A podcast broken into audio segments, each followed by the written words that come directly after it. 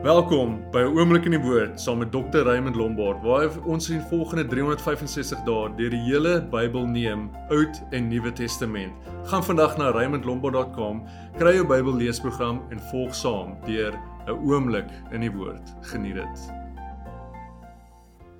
Genesis hoofstuk 35.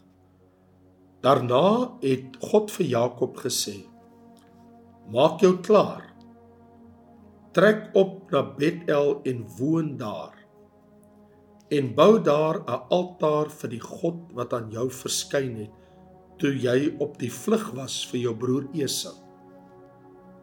Toe sê Jakob aan sy huisgesin en almal wat by hom was: Verwyder die vreemde gode wat onder julle is en reinig julle en trek ander klere aan en laat ons klaar maak en optrek na Bethel. En ek sal daar 'n altaar bou vir die God wat my geantwoord het op die dag van my benoudheid en by my was op die weg wat ek gegaan het.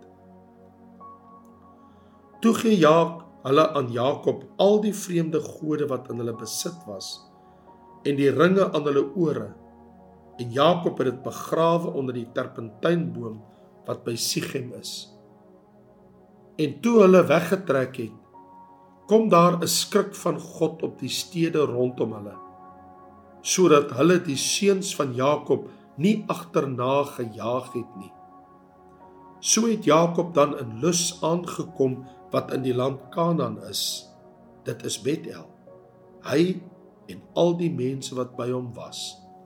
En hy het daar 'n altaar gebou en die plek El Bethel genoem omdat God daar aan hom geopenbaar is toe hy vir sy broer gevlug het. En Debora, die oppasser van Rebekka, het gesterwe en sy is begrawe onderkant Bethel onder die eikeboom. En hulle het dit genoem Eik van Geween. Toe verskyn God weer aan Jakob by sy terugkoms uit Paddan Aram en hy seën hom. En God sê vir hom: "Jou naam is Jakob. Jy sal verder nie Jakob genoem word nie, maar Israel sal jou naam wees." En hy het hom Israel genoem. Verder sê God vir hom: "Ek is God, die Almagtige. Wees vrugbaar en vermeerder. 'n Nasie, ja, 'n menigte van nasies sal van jou afstam en konings sal uit jou lendene voortkom. En die land wat ek aan Abraham en Isak gegee het, sal ek aan jou gee en aan jou nageslag na jou sal ek die land gee. Toe het God van hom af opgevaar op die plek waar hy met hom gespreek het. En Jakob het 'n gedenksteen opgerig op die plek waar hy met hom gespreek het. 'n Gedenksteen van klip en daarop 'n drankoffer uitgegiet en olie daarop gegooi. En Jakob het die plek waar God met hom gespreek het, Bethel genoem. Daarna het hulle van Bethel af weggetrek. En toe hulle daar nog 'n kort en pad was om by Efrat te kom, moes Rachel baar en sy het dit swaar gehad by die bevalling.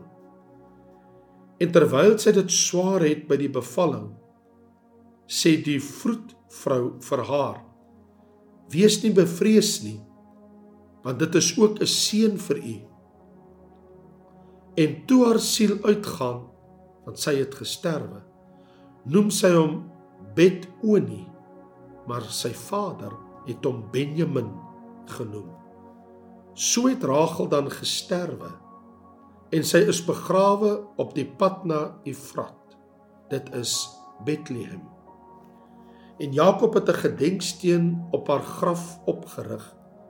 Dit is die gedenkteken van die graf van Rachel tot vandag toe.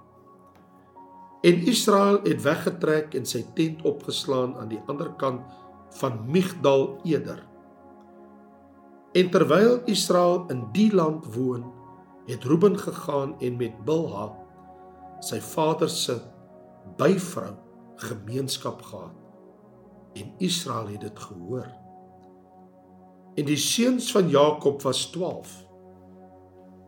Die seuns van Lea was Reuben, die eersgeborene van Jakob, daarna Simeon en Levi en Juda en Isaskar en Sebulon.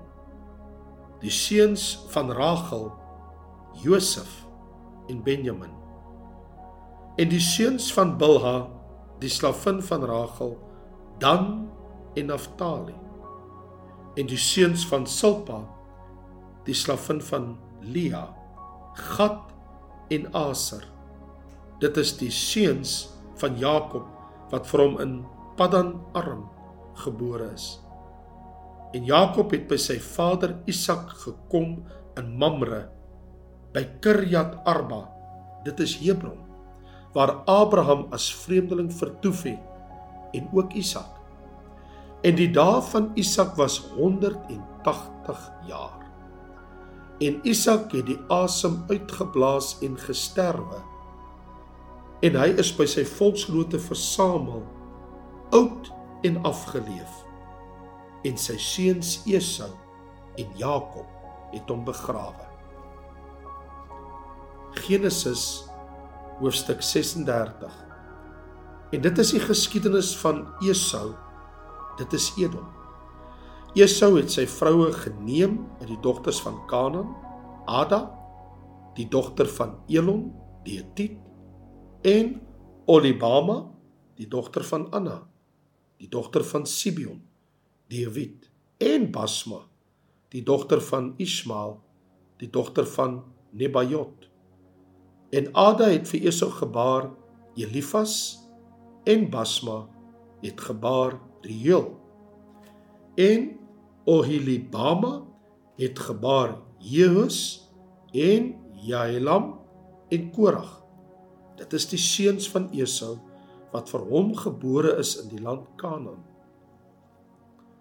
Toe neem Esau sy vroue en sy seuns en sy dogters en al die mense van sy huis, sy vee en al sy diere en al sy besittings wat hy in die land Kanaan verwerf het.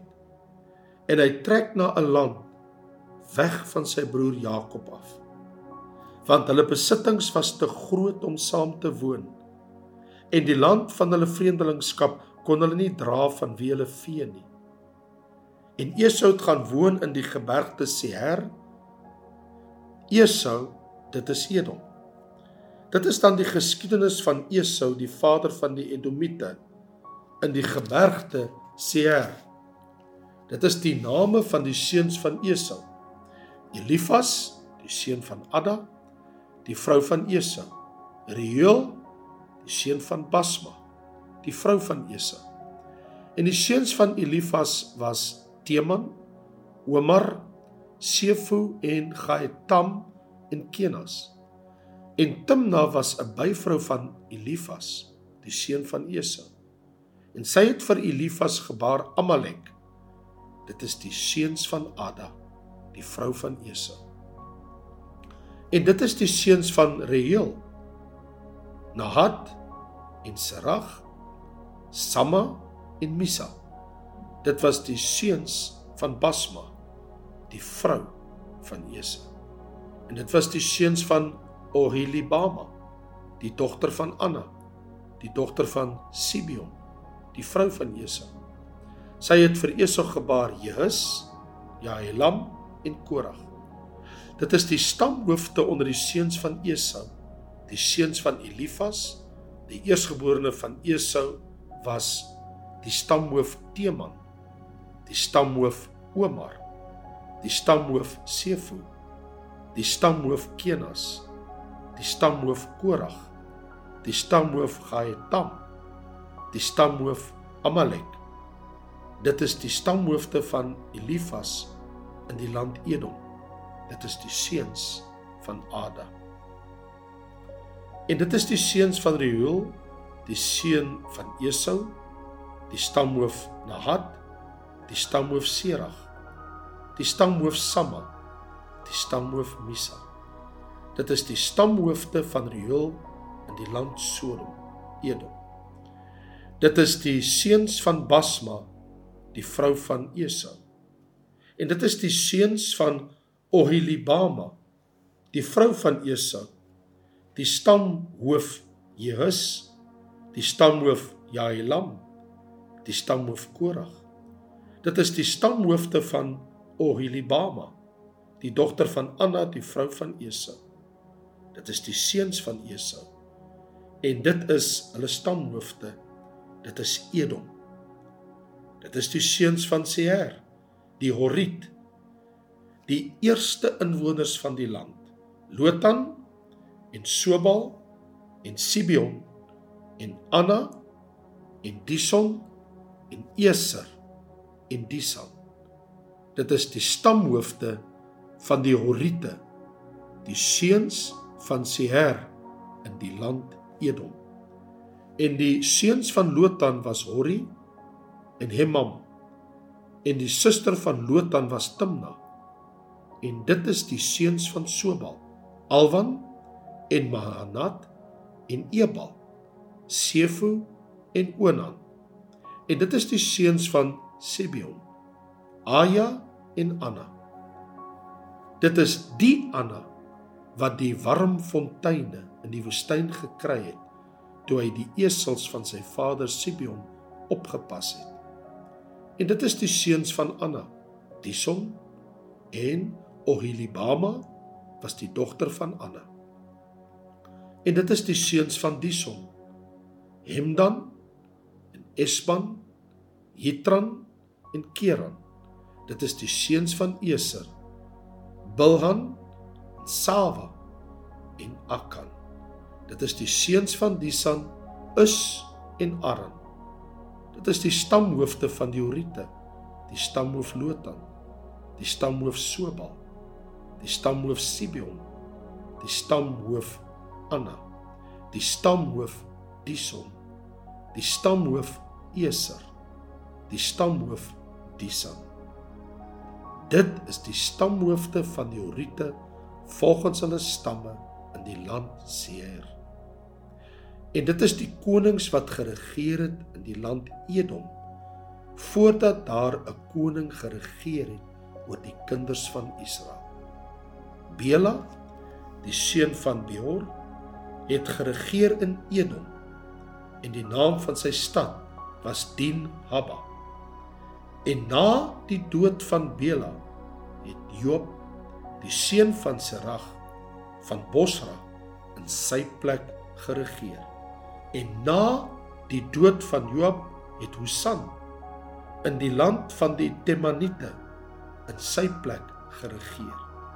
En na die dood van Husan het Hadad die seun van Bedad wat die Midianiete verslaan het in die veld van Moab in sy plek geregeer. En die naam van sy stad was Avit. En na die dood van Hadad het Samla van Maheskereka in sy plek geregeer. En na die dood van Samla het Saul van Rehoboth aan die rivier in sy plek geregeer. En na die dood van Saul het Baal Hanan die seun van Akbor in sy plek geregeer. En na die dood van Baal Hanan die seun van Akbor, het Hadar in sy plek geregeer. En die naam van sy stad was Pahon en die naam van sy vrou was Mehatabeel, die dogter van Matred, die dogter van Mesahab. Dit is die name van die stamhoofde van Esau volgens hulle geslagte volgens hulle woonplekke met hulle name. Die stamhoof Timna, die stamhoof Alwa, die stamhoof Jetet, die stamhoof Ohilibama, die stamhoof Ela, die stamhoof Pinon, die stamhoof Kenan, die stamhoof Teman, die stamhoof Mipsar, die stamhoof Magdiel, die stamhoof Iram, Dit is die stamhoofde van Edom. volgens hulle verblyfplekke in die land van hulle besitting. Dit is Esau, die stamvader van die Edomite. Matteus hoofstuk 13. En op daardie dag het Jesus uit die huis uitgegaan en by die see gaan sit. En groot menigtes het by hom vergader sodat hy in 'n skuit geklim en gaan sit het. En die hele skare het op die strand gestaan. En hy het baie dinge deur gelykenisse tot hulle gespreek en gesê: 'n Saaier het uitgegaan om te saai, en terwyl hy saai, val 'n deel langs die pad, en die voëls het gekom en dit opgeëet. En 'n ander deel het op rotsagtige plekke geval waar daar nie baie grond was nie en dadelik het dit opgekom omdat daar geen diepte van grond was nie. Maar toe die son opgaan is dit verskroei en omdat dit geen wortel gehad het nie het dit verdroog en 'n ander deel het in die dorings geval en die dorings het opgekom en dit verstrik en 'n ander deel het in die goeie grond geval en vrug opgelewer. Die een 100, die ander 60, die ander 30voudig. Wie ore het om te hoor, laat hom hoor. En die disippels het gekom en vir hom gesê: "Waarom spreek u tot hulle deur gelykenisse?" Toe antwoord hy en sê vir hulle: omdat dit aan julle gegee is om die verborgenhede van die koninkryk van die hemele te ken. Maar aan hulle is dit nie gegee nie. Want hy wat het, aan hom sal gegee word en hy sal oorvloed hê. Maar hy wat nie het nie, van hom sal weggeneem word ook wat hy het. Daarom spreek ek tot hulle deur gelykenisse omdat hulle terwyl hulle sien nie sien nie. En terwyl hulle hoor, nie hoor of verstaan nie.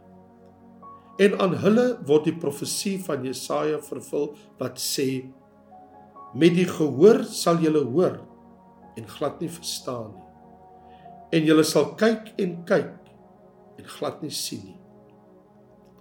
Want die hart van hierdie volk het stomp geword. En met die ore het hulle beswaarlik gehoor. En hulle oë het hulle toegesluit sodat hulle nie miskien met die oë sou sien en met die ore hoor en met die hart verstaan en hulle bekeer en ek hulle genees nie. Maar julle oë is gelukkig omdat hulle sien en julle ore omdat hulle hoor. Want voorwaar ek sê vir julle baie profete en regverdiges het begeer om te sien wat julle sien en het dit nie gesien nie en om te hoor wat julle hoor en het dit nie gehoor nie. Luister julle dan na die gelykenis van die saaier. As iemand die woord van die koninkryk hoor en nie verstaan nie, kom die bose en roof wat in sy hart gesaai is, dit is hy by wie langs die pad gesaai is. En by wie op rotsagtige plekke gesaai is, dit is hy wat die woord hoor en dit dadelik met blydskap aanneem. Maar hy het geen wortel in homself nie. Hy is net vir 'n tyd. En as daar verdrukking en vervolging kom ter wille van die woord, struikel hy dadelik. En by wie in die dorings gesaai is, dit is hy wat die woord hoor, maar die sorg van hierdie wêreld en die verleiding van die rykdom verstrik die woord en hy word onvrugbaar. En by wie op die goeie grond gesaai is, dit is hy wat die woord hoor en verstaan wat dan ook vrug dra en oplewer. Die een 100, die ander 60, die ander 30voudig. 'n Ander gelykenis het hy hulle voorgehou en gesê: Die koninkryk van die hemele is soos 'n man wat goeie saad in sy land gesaai het. Maar terwyl die mense slaap, het sy vyand gekom en onkruid onder die koring gesaai en weggegaan. En toe die spruitjies opgeskiet en vrug gevorm het, toe verskyn die onkruid ook. En die diensknegte van die huisheer het gekom en vir hom gesê: "Meneer, het u dan nie goeie saad in u land gesaai nie? Waar kry dit dan die onkruid vandaan?"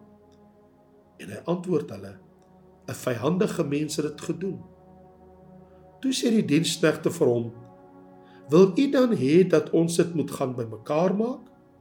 Maar hy antwoord: "Nee, dat julle nie miskien as julle die onkruid bymekaar maak, die koring daarmee saam uittrek nie. Laat albei saam groei tot die oes toe. En in die oestyd sal ek vir die maaier sê: Maak eers die onkruid bymekaar en bind dit in bondels om dit te verbrand. Maar bring die koring bymekaar in my skuur. 'n Ander gelykenis het hy hulle voorgehou en gesê: Die koninkryk van die hemele is soos 'n mosterdsaad wat 'n man neem en in sy land saai. Wat wel die kleinste is van al die soorte saad, maar as dit gegroei het, groter is as die groente soorte en 'n boom word, sodat die voëls van die hemel kom en nes maak in sy takke. 'n Ander gelykenis het hy hulle vertel. Die koninkryk van die hemele is so suurdeeg wat 'n vrou neem en in 3 mate meel inwerk totdat dit heeltemal ingesuur is. Al hierdie dinge het Jesus deur gelykenisse vir die skare gesê en sonder gelykenis het hy vir hulle niks gesê nie. Sodat vervul se word die woord wat gespreek is deur die profeet. Ek sal my mond open deur gelykenisse. Ek sal uitspreek dinge wat verborge was van die grondlegging van die wêreld af. Nadat hy die skare weggestuur het, het Jesus huis toe gegaan en sy disippels het na hom gekom en gesê: "Verklaar vir ons die gelykenis van die onkruid en die saailand." En hy het geantwoord en vir hulle gesê: "Hy wat die goeie saad saai, is die seun van die mens. En die saailand is die wêreld. Die goeie saad, dit is die kinders van die koninkryk en die onkruid is die kinders van die bose. En die vyand wat dit gesaai het, is die duiwel. Die oes is die volëinding van die wêreld en die maaiers is die engele. Net soos die onkruid dan bymekaar gemaak en met vuur verbrand word, so sal dit wees in die volëinding van hierdie wêreld. Die seun van die mens sal sy engele uitstuur en hulle sal uit sy koninkryk bymekaar maak al die struikelblokke en die wat die ongeregtigheid doen en sal hulle in die vuuroond gooi. Daar sal geween wees en geknars van die tande. Dan sal die regverdige skyn soos die son in die koninkryk van hulle Vader. Wie ore het om te hoor, laat hom hoor.